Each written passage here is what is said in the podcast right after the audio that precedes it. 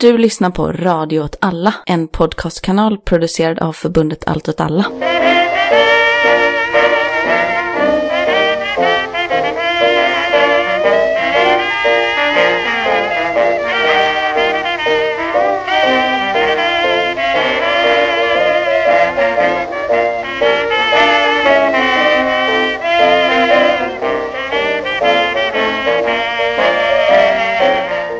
Hej och välkomna till Vad händer Gbg? En podd om lokalpolitik och lokala nyheter i Göteborg. Vi spelar in en härlig, fin, solig januaridag den 30 januari. Och med mig har jag Johanna Hej! och Johannes. Hej. Och eh, jag tänkte fråga lite direkt så. Vad händer i Göteborg, Johannes? Ja, det, det händer en hel del. Eh, förra gången så talade vi ju lite om eh, Eh, budgeten och diskussionen om budgeten i, i kommunfullmäktige. Det är en eh, diskussion som fortsatt, skulle man kunna säga, och lett till fördjupade och ganska dramatiska konflikter. I veckan har socialnämnd Sydväst eh, motsagt sig de här ganska drastiska besparingarna som den borgerliga budgeten innebär. Eh, det innebär underskott på, på, på 70 miljoner där i socialnämnden och, och, och eh, Eh, ett mål som man har med den nya budgeten är att halvera försörjningsstödet. Till saken hör då att eh, man kan liksom inte förneka försörjningsstöd hur som helst utan eh, man har en det är lagligt tvingande, det är tvingande i lag att man ska följa det här, att- att man ska bevilja folk som behöver försörjningsstöd det försörjningsstöd de behöver. Så det här grundar sig på en väldigt optimistisk prognos som eh, eh man har gjort, men som antagligen inte kommer att fungera. Så att kommunen har i uppgift att se till att folk har försörjningsstöd. Men så säger man att nu ska vi halvera det här. Men det kan man, inte, man kan inte bara säga så här. Ni får inte försörjningsstöd. Utan man måste, det måste i så fall ske genom att de får typ jobb eller studier eller någon annan typ av försörjning. Nej, precis.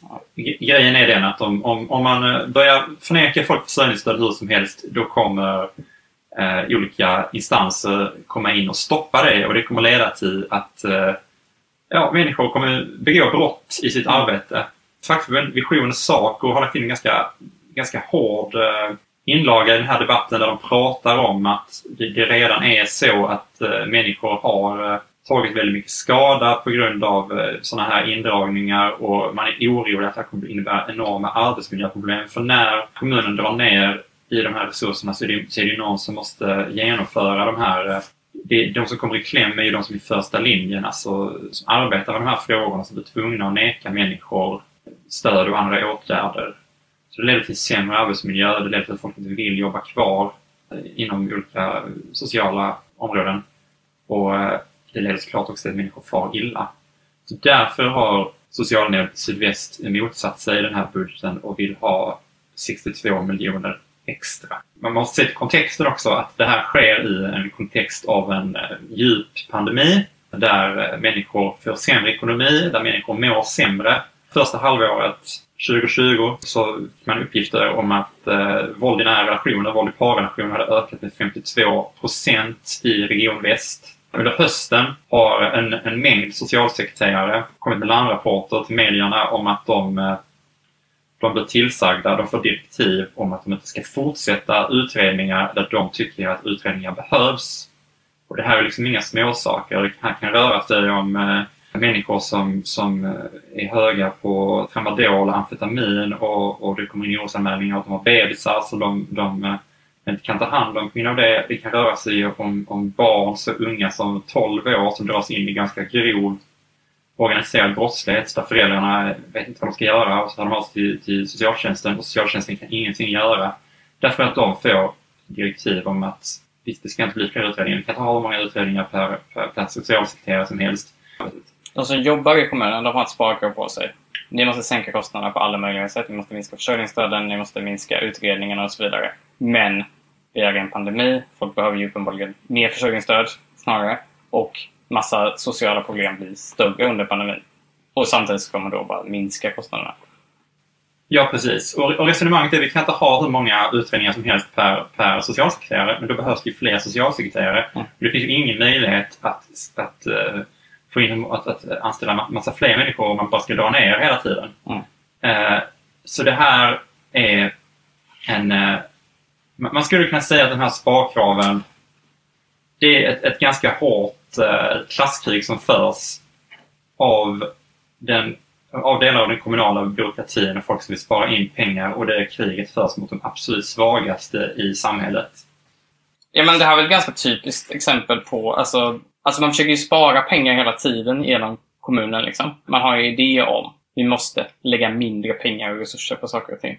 Samtidigt som att det uppenbarligen inte motsvarar det som kommunen har i uppgift att göra. Liksom. Det finns två spår. Liksom. Man har fått uppdrag att göra vissa saker. Men man säger samtidigt att det här ska vi göra billigare och billigare och billigare. Men i praktiken är ju det att man inte gör de här sakerna man har fått uppdrag att göra. Så till exempel se till att människor har försörjning, se till att, ja, men, att man hanterar sociala problem i kommunen och så vidare. Ja, precis. Och det, och det finns också i den här budgeten finns ju alltid man kan alltid prata om centralisering och effektivisering så att man menar att vi kan spara in ännu mer och då kan vi plocka de resurserna på SD och lägga ett annat. Så problemet är att man kan inte effektivisera och centralisera hur mycket som helst. Har man redan gjort det en gång så är man ju lite... Det, det sätter ju stopp någonstans. Liksom. Då blir Mm. det bara att man pratar om det utan att det, det egentligen går. Eh, frågan är ens om det, det ens är önskvärt. Man ska centralisera och effektivisera hur mycket som helst. Så ofta är ju bara effektivisering ett annat ord för, för besparing. Ja, det är nedskärningar helt enkelt. Det är också ganska lustigt att politikerna å ena sidan säger att vi, måste, vi har jättestora problem med kriminalitet i Göteborg. Det är liksom en av de stora frågorna, politiska frågorna. Samtidigt som man då skär ner i de sociala insa- insatserna i Göteborg. Ja, precis. Och det är också så här, i det här fallet, jag var redan inne på det lite innan, men, men i det här fallet så, så är det ju inte heller bara Alltså det är ju inte som att, att samhället funkar lite sämre. Kommunen har ju ansvar för en massa olika saker, men i det här fallet rör det sig om, om, om områden där väldigt mycket är på spel. Alltså där, där ändå liv och hälsa är på spel. Det har hänt att människor har avlidit i missbruksvården och det, det har hänt att människor har avlidit på grund av att, att uh, orosanmälningar om, om barn som far illa inte följs upp och så vidare. Um, så här blir den här ideologiska, den här frågan som, som mest mycket handlar om, om ideologi, typ att vi alltid ska spara det första, mest, mest grövsta och, och mest så här, det blir väldigt tydligt, väldigt svårt att acceptera att man kan ha den här hållningen på ett väldigt konkret sätt när det är det som är i vågskålen. Mm. Några hundratusen insparade mot liv och hälsa för x antal personer i en, en viss stadsdel. Ja, och samtidigt så har man ju lagt i vår budget 150 miljoner kronor på så kallade trygghetsåtgärder, vilket bara är fler väktare vid Nordstan. Det är pengar som kanske hade gjort lite mer nytta i som sociala insatserna till exempel. Det blir så cyniskt. Att människor jagas ut ur sina stadsdelar på grund av trångboddhet och sen när de kommer in i centrum så jagas de bort från centrum också. Mm. Det finns liksom inget utrymme för eh, människor. Ja, nu kommer något lite muntrare kanske än föregående, lite kanske klipper bort i och för sig. Men eh, oavsett vad så har vi ju inträtt i jubileumsåret 2021. Det är alltså Göteborgs 400-årsjubileum i år. Här skulle jag vilja klippa in någon form av uh, Fanfar. fanfar eller Ja. födelsedagsjingel eller något sånt. Ja, Vi lever med. Föreställ er att det är en jingel. trumpet gärna. Ja, precis.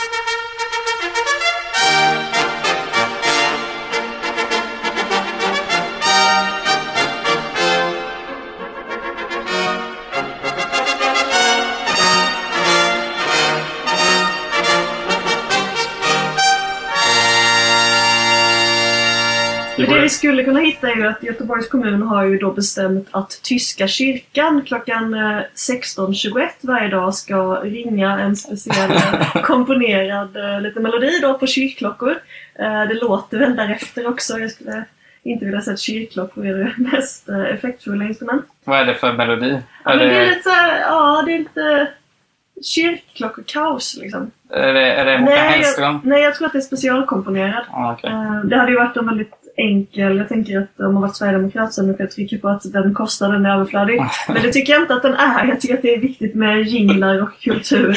Men eh, jag tycker inte Tyska kyrkan är kanske den bästa institutionen för firande.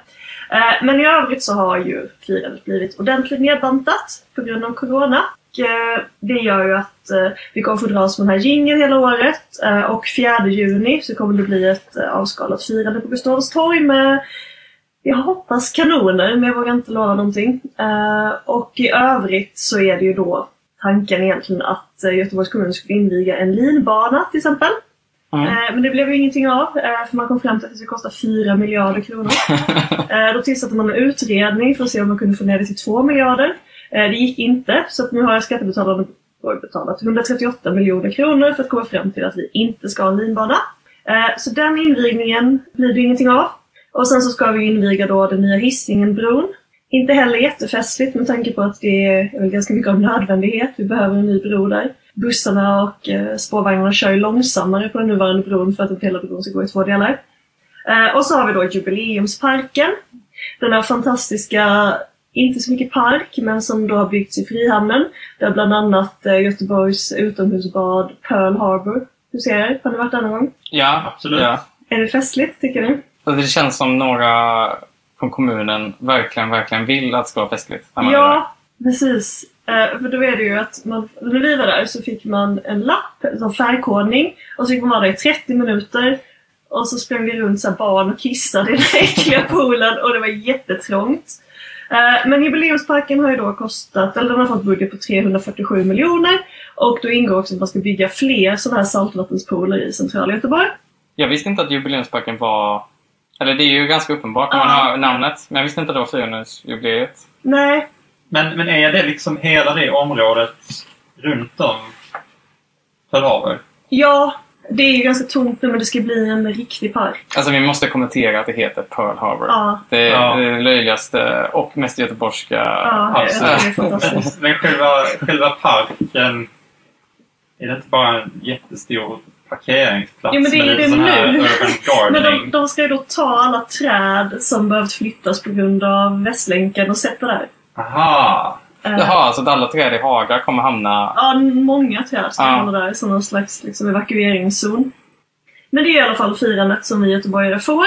Eh, och eh, själva firandet har en budget på ungefär 100 miljoner. Det blir väldigt mycket siffror nu och det finns, det är givetvis något man kan problematisera när man ska göra olika avvägningar vad saker får kosta. Men någonstans så ser man ju till exempel hur ja, socialtjänsten behöver 62 miljoner kronor eller hur eh, eh, skolor i Hammarkullen lyckats vända resultat med bara några miljoner kronor. Det blir väldigt påtagligt hur Göteborgs kommun fortsätter slösa och samtidigt spara in. Och, eh, för 100 år sedan så fyllde Göteborg 300 år. Mm. Och även då så sköts ju firandet fram två år på grund av första världskriget. Så 1923 så invigdes en eh, jubileumsutställning. Och det är där som eh, egentligen hela Götaplatsen uppkom som en del av jubileumsutställningen. Eh, Botaniska trädgården, Trädgårdsföreningen, eh, Slottsskogsvallen. Så det var, det var väldigt storslagna planer. Och eh, det beskrevs bland annat som den stora borgerliga 1800-talskulturens sista och kanske djärvaste insats i Göteborgs historia. Även för hundra år sedan så var Göteborg en stad som präglades av segregation och fattigdom. Eh, och arbetarrörelsen var ju då jättekritisk till det här stora firandet. Bland annat så menade man att det var en symbol över Göteborgs sociala orättvisor och makthavarnas självgodhet. Så för att blidka massorna så bestämde kultur- kommunfullmäktige att man skulle ge 100 000 kronor till de arbetslösa. Alltså 100 000 kronor i dåvarande penning. Alltså till alla arbetslösa. Ja, Inte som basinkomst. eh, Nej, jag, jag, jag stod bara jag läste. Jag tänker att det var någon slags engångssiffra. Ja. Men det funkade ju såklart inte. Eh, för under hela det här året så hade det varit strejk, bland annat i hamnen. Känns också bekant. Ja. Eh, och man hade då tagit in strejkbrytare. Och den här strejken hade dessutom utvidgats så att byggarbetarna som jobbade med jubileumsutställningen hade också gått ut i strejk. Så dagen innan kungen skulle komma till Göteborg och inviga hela ut- utställningen så uppstod det slagsmål och skottlossning mellan hamnarbetarna och strejkbrytarna. Eh, och eh, det här blev ju för sig, den här utställningen blev ju, den blev ju ganska stor, liksom storslagen och eh, fyra miljoner människor besökte Göteborg. Einstein höll tal. Eh, man byggde eh, någon slags utställning över Göteborgs industriella historia, vilket var att människor lurades att de åkte ner till ett sånt gruvschakt, men i själva verket så åkte man ner i en dammig källare och tittade på olika eh, ja, minnen från gruvor. Eh, och då, när allt det här var över så sa man jo men det här var ju en succé, vi gick inte över budget. Eh, men i själva verket så gick man ju över budget med 4,4 miljoner, vilket eh, Motsvarar ungefär 124 miljoner kronor. I dagens penningvärde. Ja, i dagens penningvärde. Eh, och man lyckades också bygga, alla byggnader var liksom byggda någon slags, en, utifrån en monumental antik klassicism. Som bara några år senare blev hur omodern som helst när eh, Stockholmsutställningen då hade byggt i liksom, modern funktionalism istället. För det är väl det som är grejen, att Götaplatsen ser ju inte ut som den är byggd på 1900-talet. Nej, Det Det ser ju är- verkligen 1800-talet. det är väldigt konstig arkitektur faktiskt i, när man i de här byggnaderna. Som då ändå ska vara liksom Göteborgs framsida. Och det är också något som återkommer när man ser nu att till exempel eh, så- både Socialdemokraterna och Sverigedemokraterna försöker flörta med arkitekturupproret och bygga i 1900-tals eh, arkitektur. Men jag tycker att allting det här liksom, det visar på hur lite som har förändrats i Göteborg egentligen. Eh, för det här firandet känns ju inte vidare festligt. Och de här satsningarna känns ju inte som någonting som faktiskt kanske kommer... Det är kanske inte det vi göteborgare behöver. Eh, och samtidigt som man har gjort en jubileumshemsida där alla verksamheter ska redovisa vad som är deras jubileumssatsning, vilket annat innebär att det finns en eh, sektion där står så här, ah, nej, men arbetet med mänskliga rättigheter kommer fortsätta. Det är vår jubileumssatsning. Eh, eller så det, det är på grund av att Göteborg blir 400 år Ja. gamla så kommer mänskliga rättigheter fort, Det fortsätta att försöka respekteras. Stor satsning. Det står också med på hemsidan. Allting som händer i Göteborg i år är en del. Så till exempel Tyska kyrkan uppmärksammar eh, balt och tyskutlämningen för 75 år sedan. Oj, på vilket sätt uppmärksammar de det? Eh, Det är brev från tyska soldater som då Aha. var internerade för att skickas till, eh, tillbaka till Tyskland. Varför är det så att Tyska kyrkan har fått så mycket utrymme? Det funderar jag också över. Ja. Jag har faktiskt inte kommit fram till någonting. Alltså Tyska kyrkan är nästan 400 år gammal. Eh, så det är kanske det som gör att de har fått så framträdande roll. Men det är väldigt konstigt. Mm. För Avenyfamiljen har ju byggt en sån här tysk bar vid Tyska bron också. Det kommer någon fotoutställning med svensk-tyska. Det är väldigt mycket Tyskland under vårt jubileumsår. Det är också så här, för jag har aldrig, jag har aldrig tänkt Göteborg som en tysk stad. Det, det är. Det är ju lilla London. Ja. Lilla, ja, men det får ju byta namn till lilla Hamburg kanske. En förklarar också till att uh, jubileumsutställningen 1923 misslyckades var att det regnade för mycket också. Det är något vi kanske aldrig kommer ifrån heller. Men ska vi säga då, ska vi säga då grattis till Mm. vår kära stad. Grattis Gbg! 400 år. Det är inte illa pinkat säger jag. Nej, vi får se om den står kvar. Ja.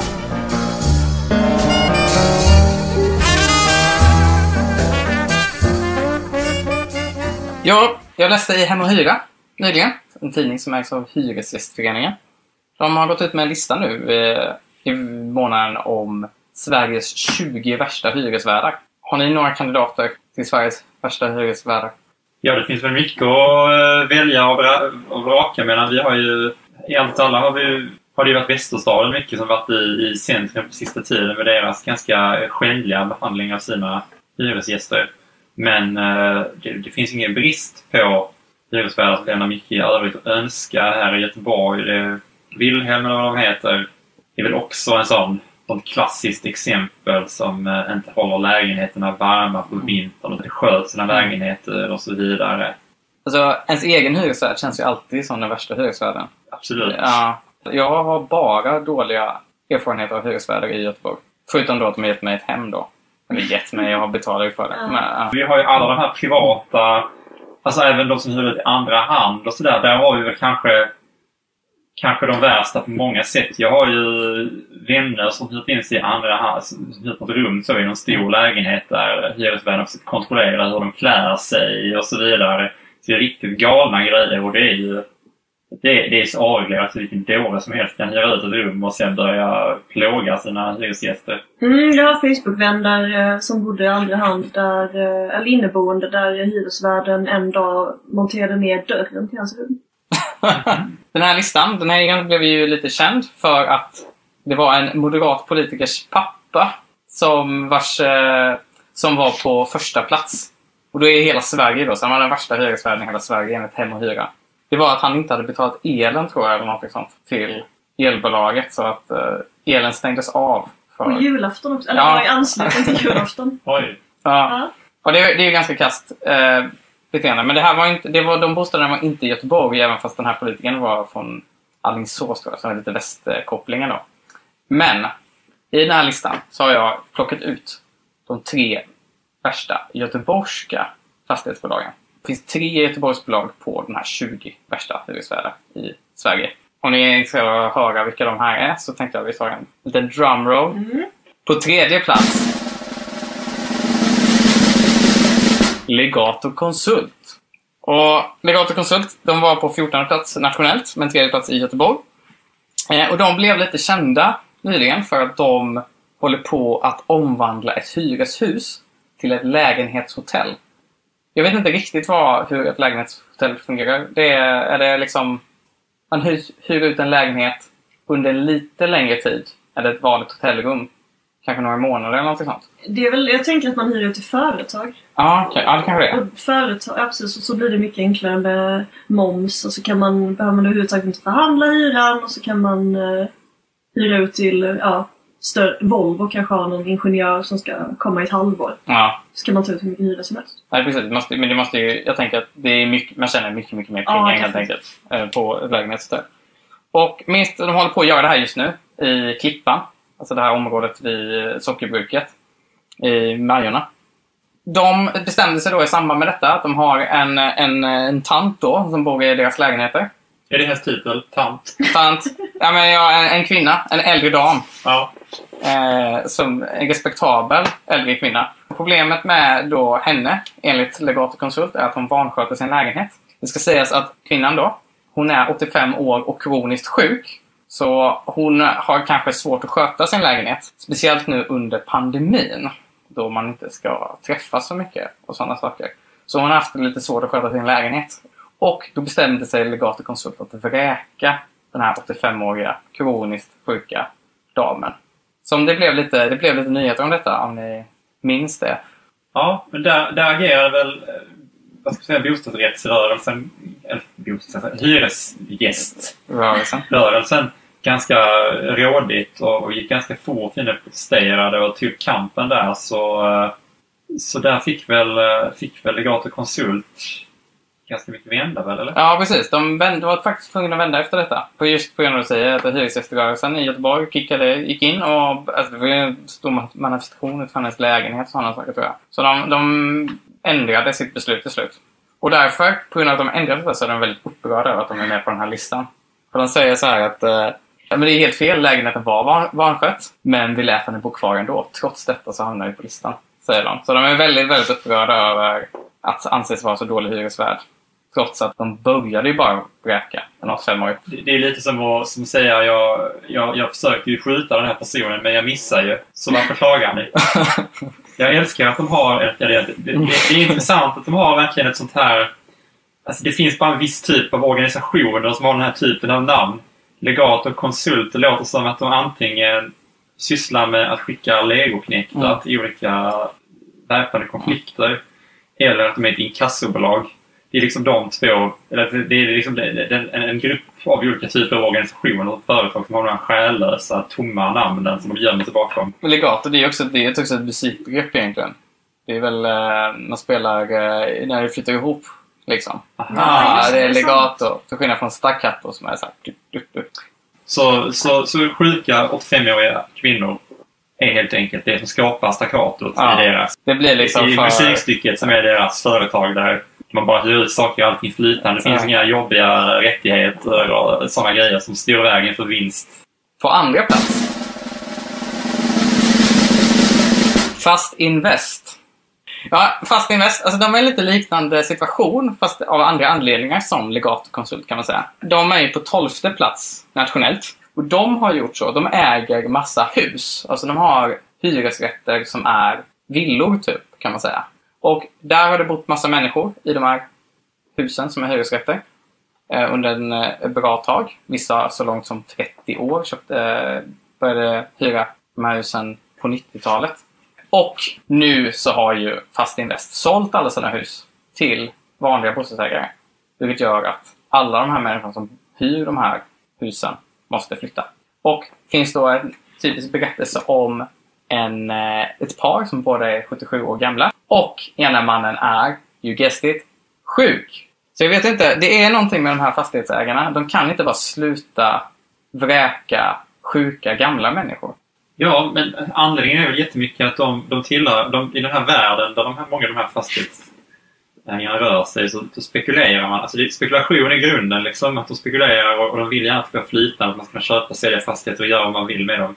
Men mycket av de här fastigheterna de spekulerar i de finns ju såklart i den, den verkliga världen där det finns verkliga människor som, som bor där och då blir det ett jättestort problem att, att man inte bara kan få eh, liksom, tabula rasa bort med alla som... Utan att människorna kommer liksom med fastigheten. Och vad gör man då som eh, rovkapitalist? Liksom? I synnerhet när folk skriver artiklar i, i Hem och Hyra. Det blir liksom en krock där. Det ska liksom inte få finnas. Liksom. Och på första plats Kurt Lundahl och Company. Det är väl någonting man känner igen det namnet? Absolut. Lite, några klockor ringer ju ändå. Ja. Det är, sånt, det, men det är nog typiskt. Det är, det är ju inte ett litet företag. Nej, absolut inte. Eh, Det, de har eh, 100 860 lägenheter i Göteborg och Mölndal. Och så är eh, släktbolag. Det känns som att väldigt många fastighetsbolag är släktbolag. Wallenstam och så vidare. Ja, men väldigt många familjer som, som, som har fastighetsbolag. Och eh, Kurt och Lundahl Company, de är på sjunde plats nationellt. De har under väldigt lång tid kritiserats för brister i sitt underhåll i sina lägenheter. De har alltså hyrt ut lägenheter då, med trasiga tapeter, skåpluckor som har saknats, tobaksrök och liknande i, i lägenheterna. Alltså inrökta lägenheter. Det visade sig då att hyresgästerna, de anmälde de här bristerna. Eh, hur tror ni fastighetsbolaget reagerade då? Jag tror att fastighetsbolaget kände att det här var oerhört kränkande mot dem och att de sen kände att nu kräver hyresgästerna sina rättigheter här så nu måste vi sätta hårt mot hårt. är min...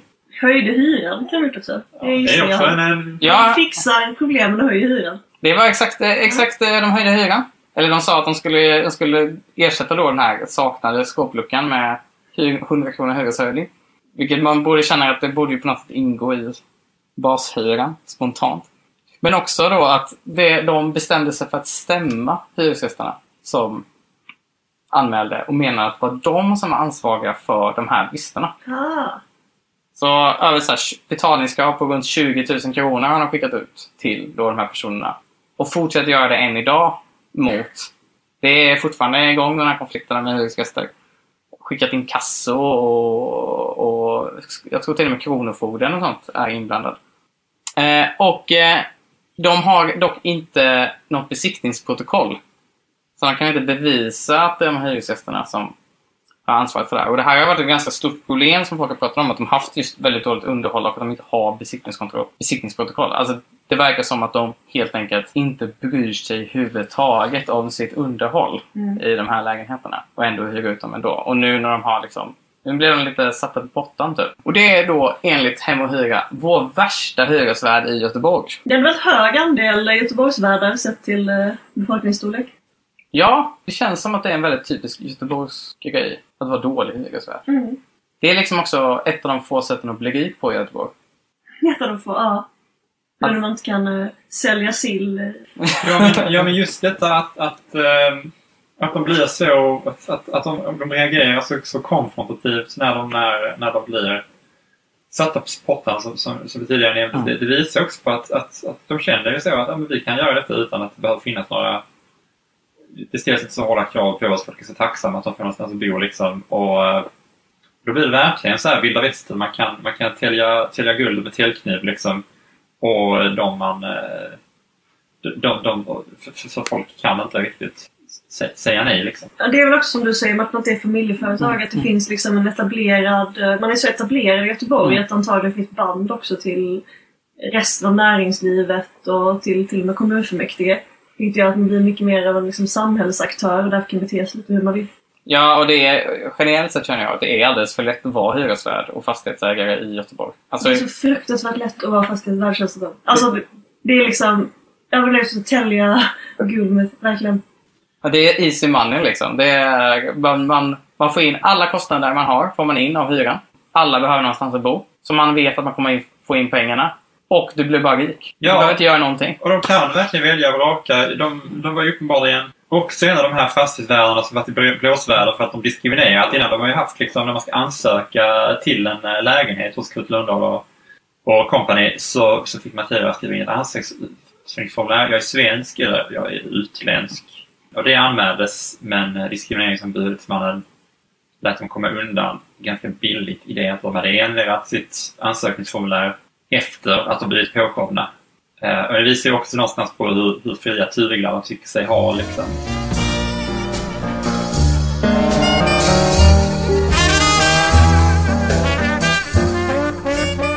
En annan grej som det varit en hel del eh, diskussion och debatt om. Det, det har dominerat eh, den offentliga debatten på sista tiden kan man väl säga. Eh, vårdsituationen. I, i, Göteborg, vi är en av alla de här kommunerna som, som, eh, där vi löpande försöker eh, anpassa oss till lagen om valfrihetssystem och gör att den kommer in i fler och fler verksamheter, kan man säga.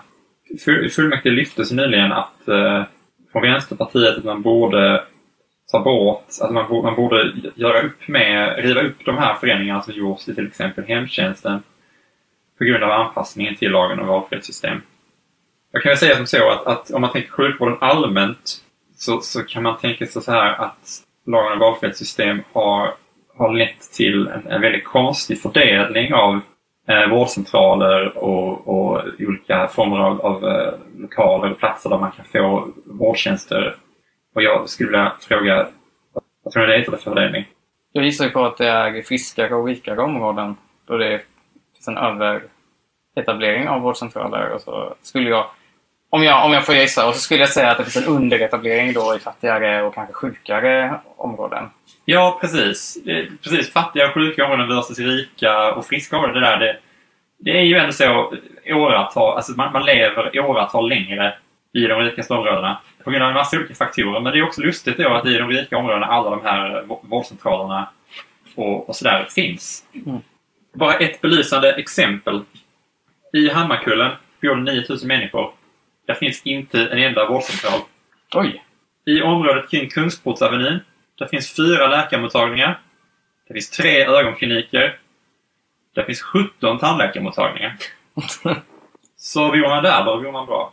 Kan man säga. Man har bra tänder. Man har väldigt bra tänder. Ah. Rika människor har vita, raka, fina tänder. Och då är det ju också så här att, att, att de flesta politiker är överens så. Ja, men vi vill ha en, en eh, en vårdcentral i Hammarkullen. Det vore bra. Det vore bra om man inte behövde åka jättelångt för att gå till vårdcentralen om man bor där. Men det går bara inte. Det finns ingen lokal. Man kan inte göra hur som helst för vi har en massa lagar och regler kring konkurrens och sådär. Det blir orättvist mot de stackars privata vårdföretagarna skulle man kunna säga. Varför blir det orättvist? Ja, det blir en orättvis eh, konkurrens och så vidare. Det finns massa olika regler och det här för oss över lite till hur måste den kommunala verksamheten anpassa sig för att liksom inte, inte ställa till det för de, de eh, privata aktörerna. Eh, det har varit ganska mycket diskussion i fullmäktige, det borde det såklart, men, men, men den diskussionen finns ändå om att man borde riva upp lagen om valfrihet när det gäller hemtjänsten. Det var ganska nyligen som man införde en massa anpassningar till det i hemtjänsten och jag kan ju återigen fråga, vad, vad tror ni det har lett till? Har kvaliteten ökat? Nej. Jag skulle också säga nej. Nej, det är, det är korrekt. Och man kan inte se någon som helst sån, sån effekt att det blivit bättre. Det man kan se är att en massa privata aktörer etablerade sig ganska fort. 2019 fanns det 12 stycken. Nu, nu finns det inte så många längre. Det finns det, nu finns det bara åtta. Eh, och många av de här aktörerna finns bara i vissa stadsdelar. Eh, och man kan ju gissa lite om det är så att det finns så här hur många tandläkarmottagningar som helst i Kungsportsavenyn och ingen i Hammarkullen, inte ens en en vårdcentral så kan man ju gissa lite var de här hemtjänstföretagen kommer, eh, var, var de kommer finnas i en ganska nära framtid.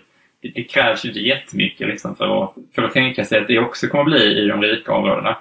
Men det är inte bara så att det här leder till att det, här leder inte bara till att, att det dyker upp en massa privata aktörer sedan om.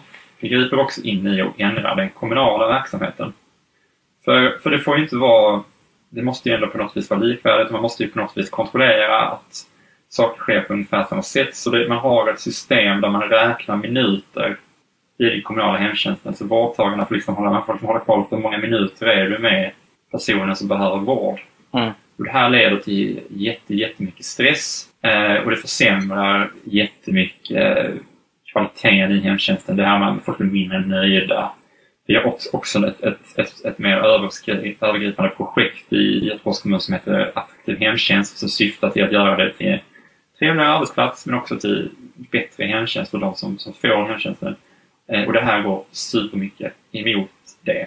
Men det är alltså helt enkelt för att eftersom lagen om valfrihet säger att de privata aktörerna ska ju konkurrera på samma villkor och eftersom det är offentliga resurser så måste det finnas lika villkor på hur de här allokeras, de här resurserna. Det kan inte bara vara så att kommunen säger vi vill satsa pengar där eller satsa pengar där.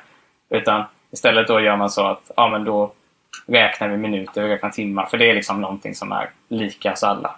Ja, precis. Jag har inte supermycket koll på juridiken mm. och, och, och kring, kring de lagliga ramverken runt det här. Men det här har hänt på massa andra ställen mm. i Sverige också. Och det som händer är alltid att allting funkar jättemycket sämre. Och det är också lustigt att de här vårdföretagen uppenbarligen, folk lägger ner. Det startas inte fler sådana här företag och det växer inte. Folk vill inte, och det är väldigt, ganska få som väljer de privata alternativen. Men ändå måste de kommunala anpassa sig jätte, jättemycket. Så det är helt enkelt så att alla som behöver hemtjänst betalar på något sätt för en ganska, en ganska liten grupp vårdkapitalisters att de ska få lov att verka vid sidan om. Så det är supermycket ideologi här och väldigt lite eh, verkstad. Typ. Och det här händer mitt under coronapandemin, kan ju också kommenteras. Eh, och när arbetsmiljön blir sämre så blir folk mer benägna att bli sjukskrivna, man måste ta in fler timvikarier, då ökar smittspridningen eh, och det leder till ännu mer problem och då blir arbetsmiljön ännu sämre och så rullar det på sådär. Så det är precis som den här grejen med, med socialnämnden och de här, de här, det här ganska enorma underskottet i budgeten så är det här också en sån grej. Det kommer finnas här super, väldigt konkreta effekter. Det känns som att det är ett så genomgående tema i kommunpolitiken. Eh, eller den, den typen av politik bygger ju verkligen på att det finns ett problem med rationaliteten. Liksom. Kommunen har ett uppdrag eller kommunen har vissa funktioner som de ska leva upp till. Men de hela tiden har de egentligen massa andra saker som de hellre vill uppnå. Till exempel fri konkurrens. Det, den principen är viktigare än att vi har en fungerande vård i Göteborg till exempel. Det är viktigare att vi skär ner på socialnämnden, att vi allokerar resurserna i socialnämnden på rätt sätt än att vi hjälper människor med drogproblem eller kriminalitet eller något sånt där. Ja, och här kan man ju verkligen se hur, hur det liksom blir väldigt många ingredienser som tillsammans samverkar för att skapa en väldigt, väldigt negativ samhällsutveckling. Mm. 2004 fanns det vårdcentraler i Hammarkullen. Mm. Den lades ner för man var tvungen att spara. Mm. Liksom. Um, och sen, sen så dyker de här uh, lagen om valfrihet upp och då börjar folk öppna upp eh, vårdcentraler och massa sånt på massa olika ställen och tjänar jättemycket pengar på det. Eh, och politikerna ser ju detta och ser att det här funkar inte, men de kan ju inte göra det. De har, de har bakbundit sig själva genom att, att införa alla de här grejerna. Så står de där liksom och, och kan inget göra. Samtidigt har vi en befolkningsutveckling. Folk blir bara äldre och äldre och de sociala problemen ökar. Eh, ekonomin blir sämre för många människor och då blir deras hälsa sämre. Så man har verkligen en, en, en Alltså man har liksom en, en väldigt, en väldigt eh, explosiv samling ingredienser av, av politikers enfald, snålhet, vårdkapitalisters girighet och också övergripande strukturella förändringar som gör att de här grejerna kan få maximal negativ impact på människor.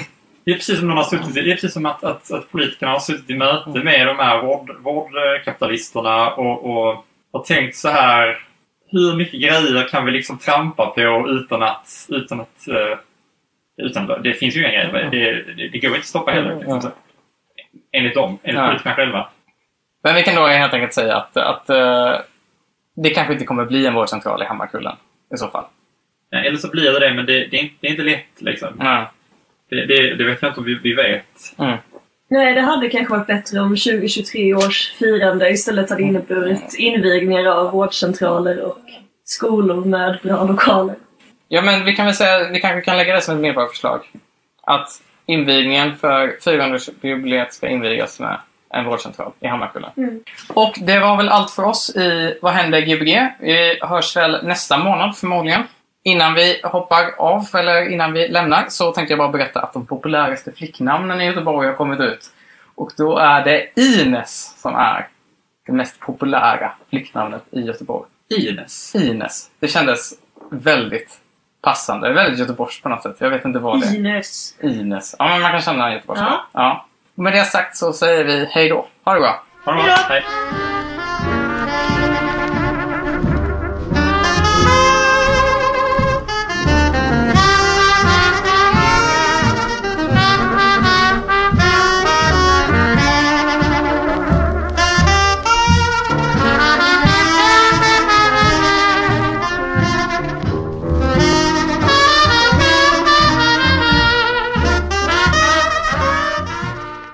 Man kan inte lova allt till alla.